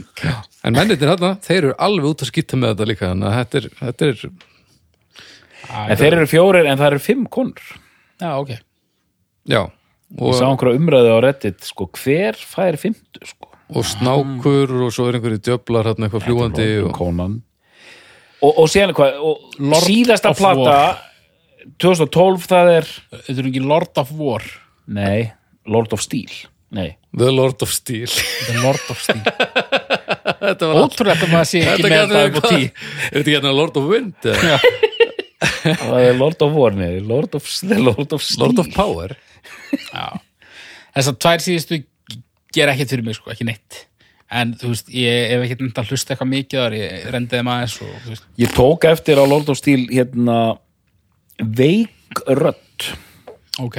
Söngröddin Það er mjög, mjög bara svona eh, þetta er 2012 já, 2012 og síðan hafa, hafa þeir verið að hlaða í þessar endur hljóðröddina það er of tvær eða þrjár sko. Kings of Metal 2014 Já, eh, Battle Hymns. uh, já, það er fyrir ekki? Uh, The Final Battle. Hvað er það? það hafa verið að EP, koma út einhverjar EP-plötur bara núna fyrir tveimur árum og tveimur, árum. Highlight from the Revenge of Odysseus sjö- sjötta EP platan þeirra og þessar er að fá slátrun er, þetta er víst drastl, samkvæmt þessu Já, þetta er búið að vera drastleiki, sko. Ég, ég, það eru alveg gaman að sjá En tónleikum og svona, en, en þetta kemur sko út 2022 síðast EP sko. veist, já, þannig að það er ennþá verið að gera hluti sko. já, en samt þrjú árum milli EP sko. svo gerir eitthvað EP fyrir svona örgulega 10-15 árum það sem að var sama lægið á einhverjum 10 eða 15 tungumálum. Það já, hét, sko Father. Og það var á sko ensku, það var á frönsku, þýsku hann var á hollensku og dönsku. Já. Og hann fekk sko aðdáend þú veist, einn aðdáanda úr hverju landi til þess að hjálpa sér með frambyrðin í stúdíónu eitthvað. og þetta er snild sko. já, ég að þetta er bara fínt og þú veist, þeir gera þetta þeir gera þetta vel, sko, þeir eru bara svo heldur asnalegir, sko, já, já, en hérna og núna, sko, það síðasta það nýjasta sem af þeim er að frétta, ég er nú ekki að fylgjast með þeim mikið í dag þeim var að berast liðsauki eh, nýr gítalegari mm. hann var ég veit ekki hvort þið kannast við e, nýjunda áratugs glesrock sveitina Nitro. Jú, Nitro, þekki það ekki. Þar var söngvari uh, sem leit út þessu hérna hárblásin púðluhundur sem hétt Jim Gillette. Ég held að hann hafi verið giftur lítið fort. það er Já, rosalegt. og hann var fræður fyrir það að hann, hann sprengdi gler með röddinni. Hann náði svo hátt og það var alltaf verið að koma eitthvað svona ljósa krónur og eitthvað og eitthvað gigg og svo sprungu eitthvað. Og gítarleikarin heitir Michael Angelo Battio og gítarinn hans hann var með fjóra hálsa sem mynduðu svona X. Já, hann spilaði rithman, svo fór hann yfir á næsta og tók sólóið og svo næsta og eitthvað. Og þetta er bara, bara já, þetta er sérst nýjasta viðbótin í, í þess að við undra sýningu sem á mann og var er orðin, nei, en Nitro en það getur ekki gítalega Nitro eiga lang harðasta moment allra tíma í myndbandi. E, þú ert að tala um hérna Freight Train myndbandið. Nei, Cat Scratch Fever. Hmm. ekki, nei, nei, byrju, kannski er ég að horfa á eitthvað ég held ég hef ekki séð. Jú, uh, nei, þetta er hef ekki séð þetta? Ok ég, ég verð bara sýningur þetta núna og ég þarf líklega, líklega megi þið ekki að heyra þetta svo, en sjáðu þetta. Þetta kemur svo inn á umræðahópin horfiði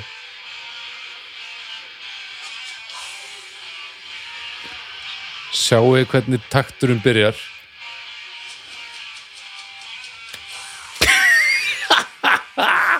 Sáðu þetta?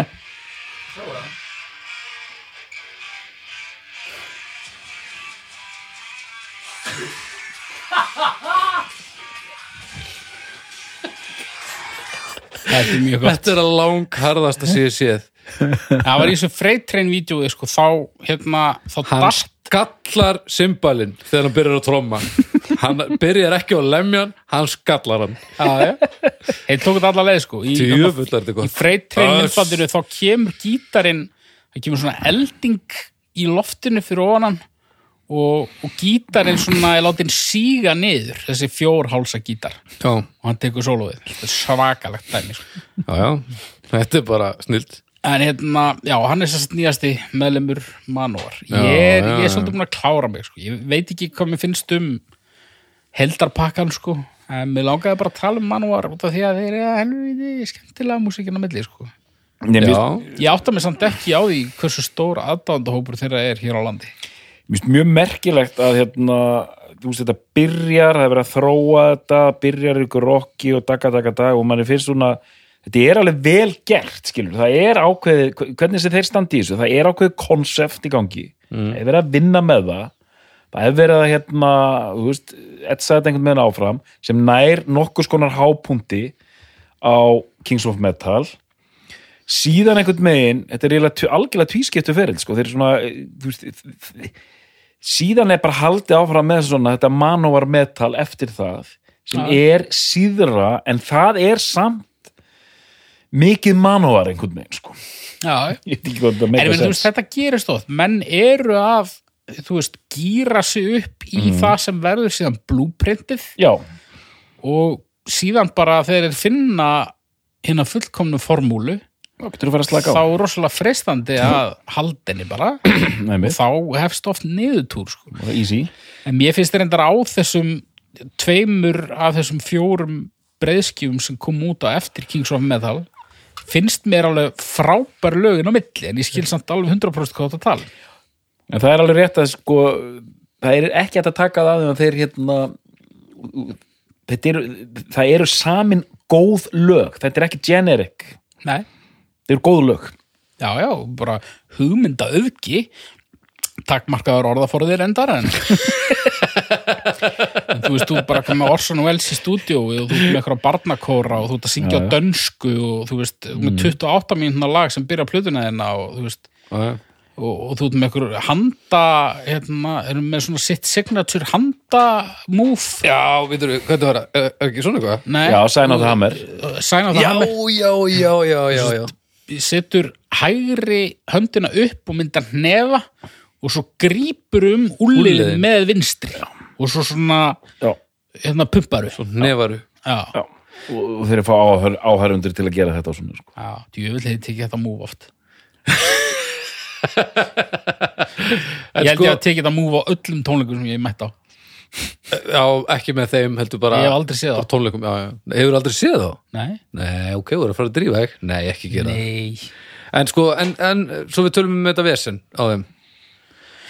þú veist, vesenið er náttúrulega, þú veist, það er náttúrulega, ég ætla ekki að fara að kalla þetta með Karl Logan vesen, það er náttúrulega bara Nei, nei, það harmleikur í alla stæði Það og er bara okkið. algjör stókið. Um, vesenið, það er ekki vesen, þetta er bara svona, Nei, þetta er bara egoistar og frekjuhundar og Nei, en þeir hafa ætlað að spila einhvers staðar og ekki gert það og eitthvað svona þegar það- hólmir er komið þeir eitthvað fór í mál við út af einhverju, hún Sabaton emitt þurft að spila í staðin fyrir þá. Af því að sviðið var ekki nú stórt eða eitthvað.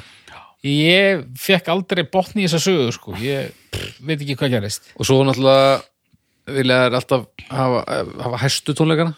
Það þarf alltaf að vera ægilega hátt. já, þeir komust í heimsmeðabókina bara early 80s fyrir hæstu tónleikana og slóu það með síðan sjálfur tviðsarsinnum Þetta eru svona einmitt, þetta eru, þetta Þetta er sem vilja til líkar. eru prímadónur þetta eru prímadonnur Já.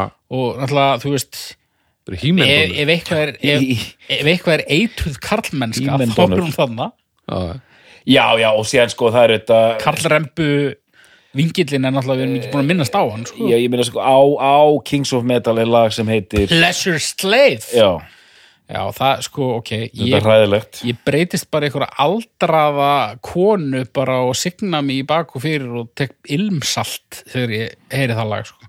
Það er þetta sko, textin er Ógeð. Já, algjör dókja, því að þetta er, þetta er þannig text, þetta er ekki eitthvað consent, BDSM og allir, allir inn on it, þetta er bara fullkomið svona misogyny, sko. ömulegt lag, sko.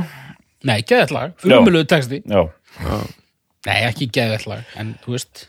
Já, já þú veist, þetta er bara svona og, þetta er svona partur af þessu sko, það er allt þarna þú veist, í manúar er þetta, sko, það er karlremba það er mótorhjólin, það er hérna einhvers konar bara almennur vitleysisgangur Já, já, ofbeldi stýrkun sem er endar, má finna í flestum þeim hljómsveitum sem að við Já, já. fílum, sko.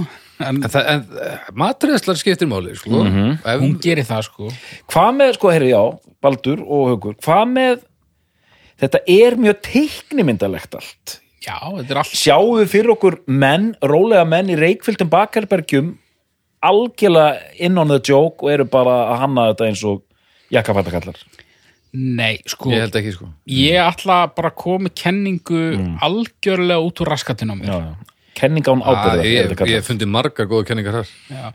Ég held að þeir hafi farið bara þú veist, ég held að þeir hafi farið á alla staði liðdrófsins með það varandi að vera innónaði joke og ekki sko. ég veit ekki hvað það byrjaði en þú veist, það, það eru hlutir þarna sem að sko, þetta er ekki heimskir menn sko. bara alls ekki. Og en þú þarft að vera svolítið innfeldningur ef þú ætlar að vera svona veist, algjörlega alvarlegur og ekki það djóka með sunda þessu. Þannig ég held að á einhverjum tíumpunkti hafi einhver svona mögulega skrúfað aðeins upp í þessu svona uh, glottandi kampin en ég veit það ekki Þú veist, þeir eru náttúrulega bara að hérna, þeir eru náttúrulega koma bara með bara koffort af seðlum frá þessum löndum sko, þeir eru túra Er það túra á fullinu þá? já, það held ég en mér finnst sko að þú segir þeir eru ekki heimskir Nei, ekki Joey D. May og Erik Adams allavega. Af því að sko, við erum með þessi fyrri part félix, þá hefur verið að búa þetta til sem sagt, ég er sem sagt að tala um fyrri hluti ferilsins er listrætt Já. ekki, ekki fyrsta orðið sem ég hefði notað. Nei, ég, ég ætla að segja ég, mér finnst magnað að ég hefði náð að segja setningu listrænt og manúar í sömu setningu Myndi ég að segja að þetta veri avant-garde. Nei sem sagt, fyrri, þá er verið að skapa, búa eitthvað til og hugsa eitthvað út og, og svona verið aðeins að þenni eitthvað Já, Bú, já, já, Já, og- alveg algjörlega og það er verið að, það er verið að búa og, móta einhverja stefnur sem, sem he- hefur áhrif og síðan er köttað á og þetta verður brand Já. og þú veist, og þá sjá menn jú, þetta sniðu, við keirum bara brandið sko. þeir geta keirt þeir geta keirt brandið bara næstu ára tugi bara, þú veist, þú þarf bara einn orginal meðlimi ef þá það sko Og ég sé alveg fyrir mér að það sé sjens á að einhver hafi verið bara, já, gerum við þetta á dönsku líka maður. en ég veit ekki um það, sko. Hérna, já, ég er mjög hrifin af þessari En það er alltaf að kalt svona út á við. Já. Algjört pókerfjess. Já. uh, gagvart uh, fjölmiðlum og aðdáfandum og, og þú veist eins og þessi tilkynning þarna um þetta ógeð þarna og, og þú veist og svo náttúrulega drepur hann sig Scott Columbus, hann fremur sjálfsvík þarna 2011 held ég Mhm. Þá var hann þetta ekki búin að vera í bandinu í eitthvað 2-3 ár sko. Nú, og hennan ég, það flög mjög látt sko, það er ekki fyrir bara fyrir einhverjum tömum þreymur árum sem að það í rauninni var gert opinbert og þá var það bara uh, dóttir hans í einhverju viðtali sem að já. sagði að hann hefði sem sagt fyrirfarið sér. Og þetta er allt voða svona uh, kuldi og, og svona Já, Nei, ég, ég veit það ekki nei, ég, ég veit ekki, en Nei, veist, þetta er til dæmis ekki jafn yfirgengilegt og Cannibal Corpse sem maður veit alveg að þar er verið að hafa stuð sko. já, já. já, já, maður veit hvað já, hver pælingin er þannig að, þú veist þetta er, já, skrítið svolítið. Eh, Já, einmitt, hérna kannabakar stuð, nú er hérna Shane Embury úr, úr hérna Napalm Death er að fara að gefa út bók mm -hmm. Napalm Death er svona dæmi, það er bara gaman Já, já. gaman að vera í hljómsveit, rock og roll en ég man bara því ég lappa inn í þetta viðtalaðan á Róaskjöldu það var bara svona versmiðu fílingur sko, þetta var allt hannað einhvern veginn, sko. Já, já, ég held að sé eitt gaman að vera mannur Nei, ég myndi mér það Nei, ég veit ekki Nei. Nei, þú veist, þetta er svo hérna einmitt, er gaman er eh, hvernig hann talar Ian Anderson hérna að Jethro Tull, sko, hvernig hann talar hann bara, ég vil bara hafa leiðilega menn í bandinu mínu af því ég nenni ekki þessari vitleysu. Ég er þetta aldrei tengt ja, vel við neitt eins og það kvót í því viðtali sko. ég sem gamall maður. Já, það sé gott að hafa leiðilega menn já, bara svona menn sem nenna engu vilja bara fara upp á hótel sko. en hérna en svo, já. Ég, þannig að þetta er svona, þetta er svona blandkersla í dag en hérna já, en hvað getur maður sagt um þetta band? Mér finnst þetta, ég hlakkaði mjög mikið til, þetta er algjörlega absúrt dæmi, sko. og út frá þessu hefur já, þetta er búið að hafa áhrif, það er alveg á hreinu. Gríðarleg á alls konar. Einmitt, ég menn bara há áhrifaríkt band mjög. Sa samt er alltaf leiðið að þeim, sko. Alltaf leiða þeim og, og sko, svo ég tali fyrir mig mér finnst alveg merkilegt hvað mér finnst þetta skemmtilegt og eiginlega ekkert af þessum græðlingum sem koma í kjölfærið sko. mm. bara þessi bönd sem þú varst að telja báðan finnst það allt alveg ógæðslega leðilegt en hérna en ef þú myndir heyra í mann og var fyrst skipt í dag finnst þetta ekki helviti leðilegt nei, ég held ekki sko. heldur ekki? nei, Okay. það er, það er galsi.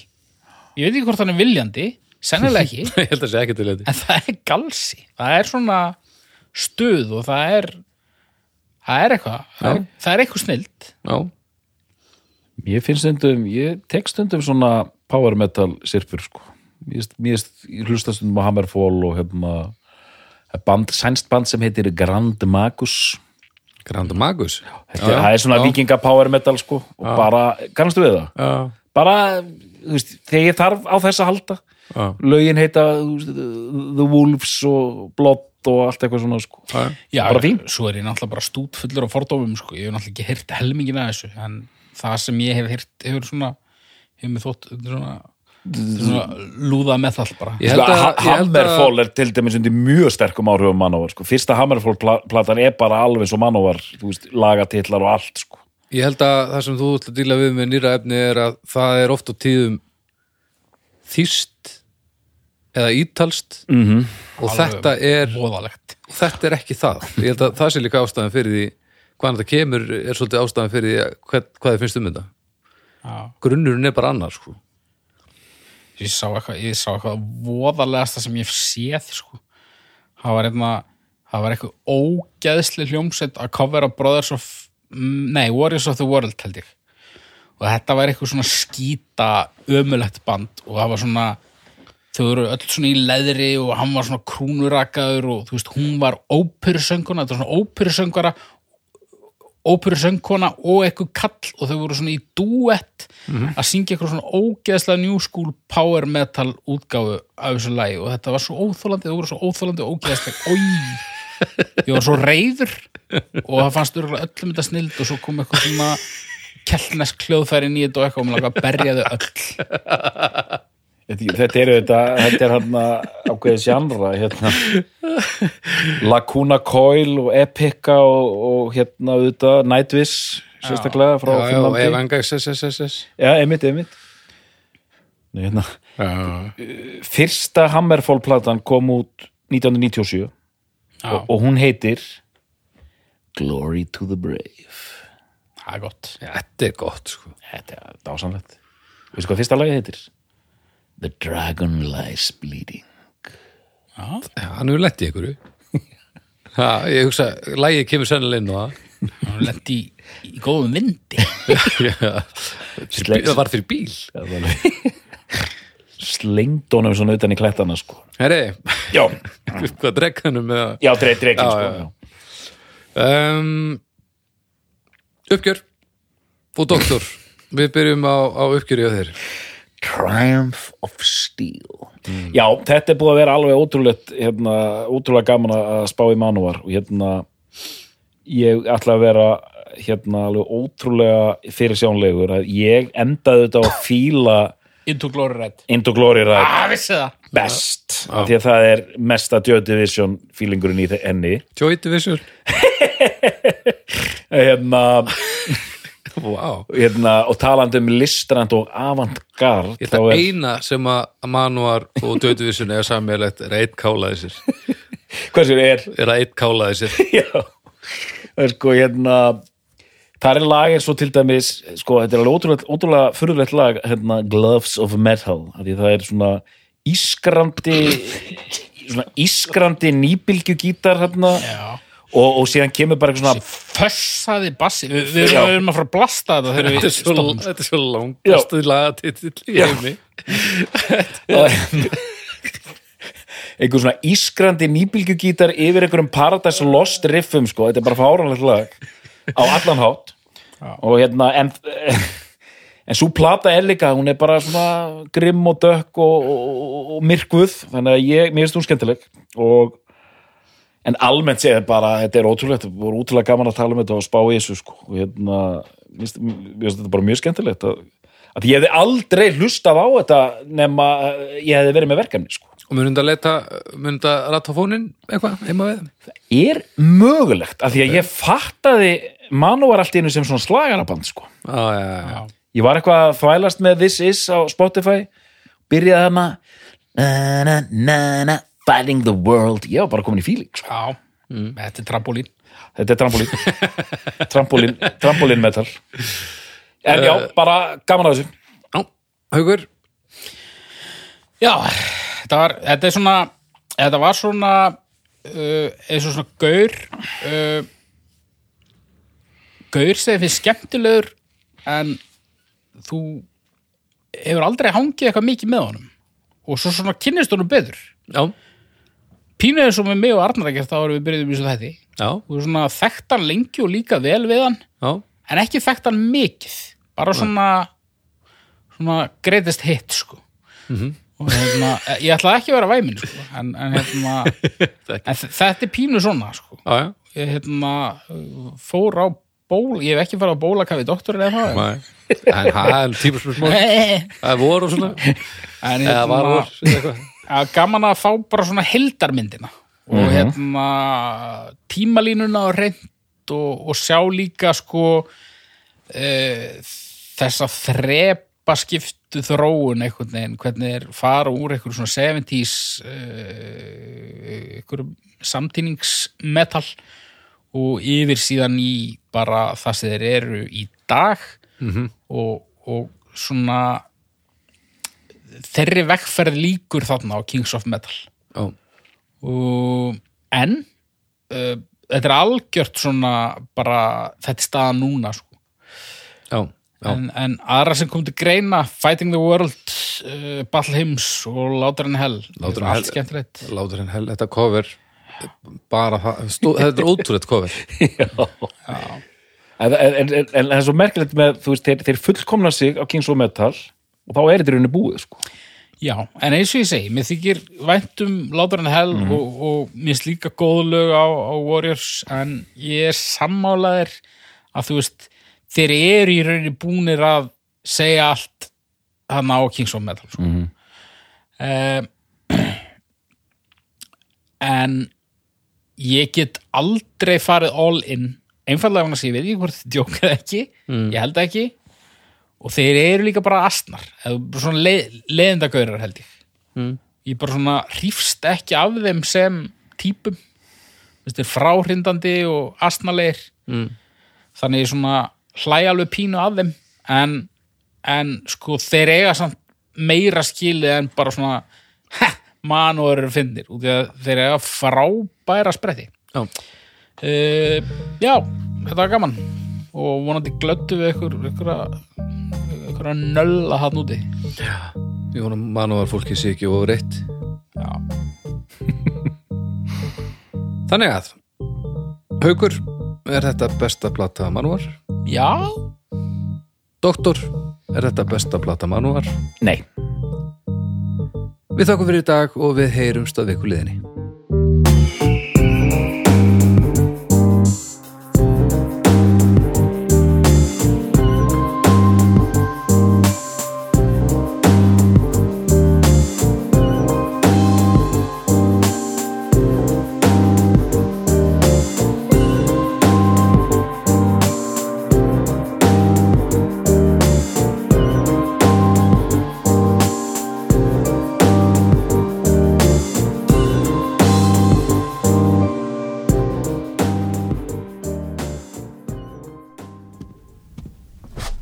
Óáfengur bríó frá Borgbrukkúsi er sérlegur bakkjarl hljóðkirkjunar. Það er gott að vera bríó. nei, nei, stopp, nei, nei, færðu þig Þetta er svona Það er gott að vera bríó Sjóvá tryggir rattirnar í höfðun á þér. Sjóvá er sérlegur bakkjarl hljóðkirkjunar.